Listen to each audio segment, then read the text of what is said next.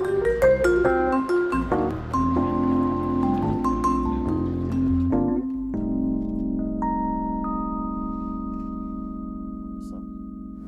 det egentlig noe håp i Syria lenger? Vi kan ikke gi opp håpet. Og man må jobbe nå intenst uh, for humanitære korridorer, slik at man får inn uh, humanitær hjelp. Man må jobbe for å få, på plass en våpenhvile, slik at det iallfall midlertidig er mulig å komme til å hjelpe. Men det er jo forferdelig hva disse fem årene har ført til. Syria var et mellominntektsland hvor flyktninger i området kom til Syria for å søke beskyttelse. I dag er det en humanitær katastrofe. Det var et mellominntektsland hvor kvinner hadde rettigheter, hvor de hadde et eh, fungerende helsesystem, skolesystem. Og nå er det så ille at eh, den flyktningkrisa vi har sett, med 4,5 millioner som har forlatt Syria, det kan være toppen av isfjellet. Det er altså 18 millioner igjen i Syria fortsatt. Hvis det ikke er noen fremtid for de i Syria, eh, så vil de jo forsøke å forlate Syria. Men jeg har jo sjøl møtt flyktninger som egentlig er preget av denne håpløsheten. De har, de, har, ikke troen på at eh, det noensinne skal bli fred i landet sitt lenger. Og dersom det skulle bli fred, så vil det bli en utrolig utfordring å skape stabilitet, skape et fungerende samfunn igjen, vil ikke det? Det er mange av de flyktningene som er i nabolandene eh, til eh, Syria, som har venta og venta og håpet på eh, våpenhvile og fred. En del av de har gitt opp håpet. Og så er det jo en ytterligere kompliserende faktor her. Det er jo at de flyktningene som er i Jordan, Libanon f.eks., de får jo ikke den hjelpa de trenger heller. Uh, så denne giverlandskonferansen i London er jo uh, Utgangspunktet er jo at vi må kunne stille opp med den hjelpa som trengs. Og FNs appeller om hjelp har jo bare vært halvveis oppfylt. Derfor ser man i en situasjon i Libanon eksempel, at eh, av en halv million syriske flyktningebarn i Libanon, så er det bare 200 000 som går på skole. Så 300 000 barn som har mista fremtida si hvis de ikke får utdanning. Og det må jo endres. Du har møtt noen av disse barna selv. Hvordan føles det å møte barn som er i en sånn situasjon som det der? Det er faktisk noe av det som jeg opplevde når jeg var i flyktningleiren i Libanon. Det var så ufattelig sterkt å bare se disse barna som ikke har noen mulighet til å få seg en utdannelse, Eh, og dermed så har de heller ingen mulighet til å komme seg ut av den situasjonen de er i. Det, det gjør jo enorme inntrykk. Og når man har barn selv, så ser man jo hvordan disse barna lider, og det, det går veldig inn på en. Eh, men man må jo bruke de inntrykkene og opplevelsene til å handle. Det er jo det politikk dreier seg om. Og med basis i situasjonen i Libanon og Jordan, så bestemte jo statsminister Erna Solberg meg sjøl i, i, fjor høst om at vi kunne ikke fortsette med en situasjon hvor Verdens matvareprogram måtte redusere bevilgningene og matrasjonene til flyktningene. Vi kunne ikke fortsette med en situasjon hvor de fleste uh, syriske flyktningbarn ikke engang fikk gå på skole. Og bestemte oss for denne internasjonale giverlandskonferansen. Og hvis vi nå greier å oppnå uh, beløp som er i nærheten av det FN ber om, så kan vi i alle fall stille opp på en ordentlig måte for de som har flykta ut av Syria. Vi kan få en mer uh, humanitær hjelp inn til Syria. Det løser jo ikke konflikten, men det bidrar jo til at disse menneskene har en mulighet til både å overleve, og disse barna kan ha en fremtid den dagen vi greier å etablere fred, våpenhvile for Syria. Og Det som vi ser nå i forhold til flyktningsituasjonen som Europa har opplevd, det skyldes jo kanskje det at det er svært mange syrere som har flyktet ut fra landet, flyktet til nabolandene. Og så ser de ingen framtid i Syria. De ser ingen framtid i disse leirene. Og derfor så legger de ut på denne turen til Europa.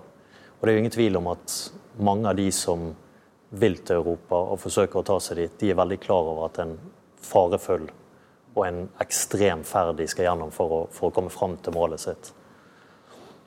Men det betyr jo mest sannsynlig at også 2016 kommer til å bli en enorm utfordring for Europa i forhold til det antallet flyktninger som kommer. For det er vel ingen tvil om at det er en stor fare for at det kommer enda flere flyktninger til Europa i det kommende året.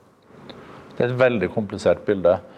Eh, en del av årsaken til at mange har forlatt eh, Libanon eh, og Jordan, er jo fordi de ikke har fått den hjelpa de trenger der. Når ikke barna engang får mulighet til en utdanning, så ser de ingen fremtid i det landet. De ser heller ingen fremtid i sitt eget land, for det er ingen tegn på at det blir fred.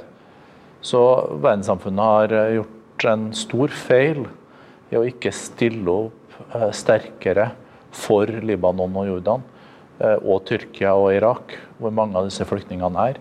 Vi må ha de nødvendige ressurser til å hjelpe de i disse nabolandene. Vi kan ikke forvente at et relativt fattig land som Libanon eh, skal ta og løfte dette alene. De har fått en kjempeutfordring. Vi må hjelpe. Men tilbake igjen til flyktningsituasjonen, så så vi høsten 2015 at antallet som kom til Europa bare egentlig eksploderte. Eh, det var mange land som slet mye med å håndtere situasjonen. Hva, hva synes du om hvordan Europa egentlig taklet dette? Det kom jo over én million eh, flyktninger og asylsøkere inn til Europa i 2015. Men dette var jo ikke bare syrere. Eh, det var irakere. Og det var jo også fra andre områder som man så en mulighet til å komme inn i Europa. Alt fra Pakistan til Nigeria, eh, Gambia, ikke minst Afghanistan.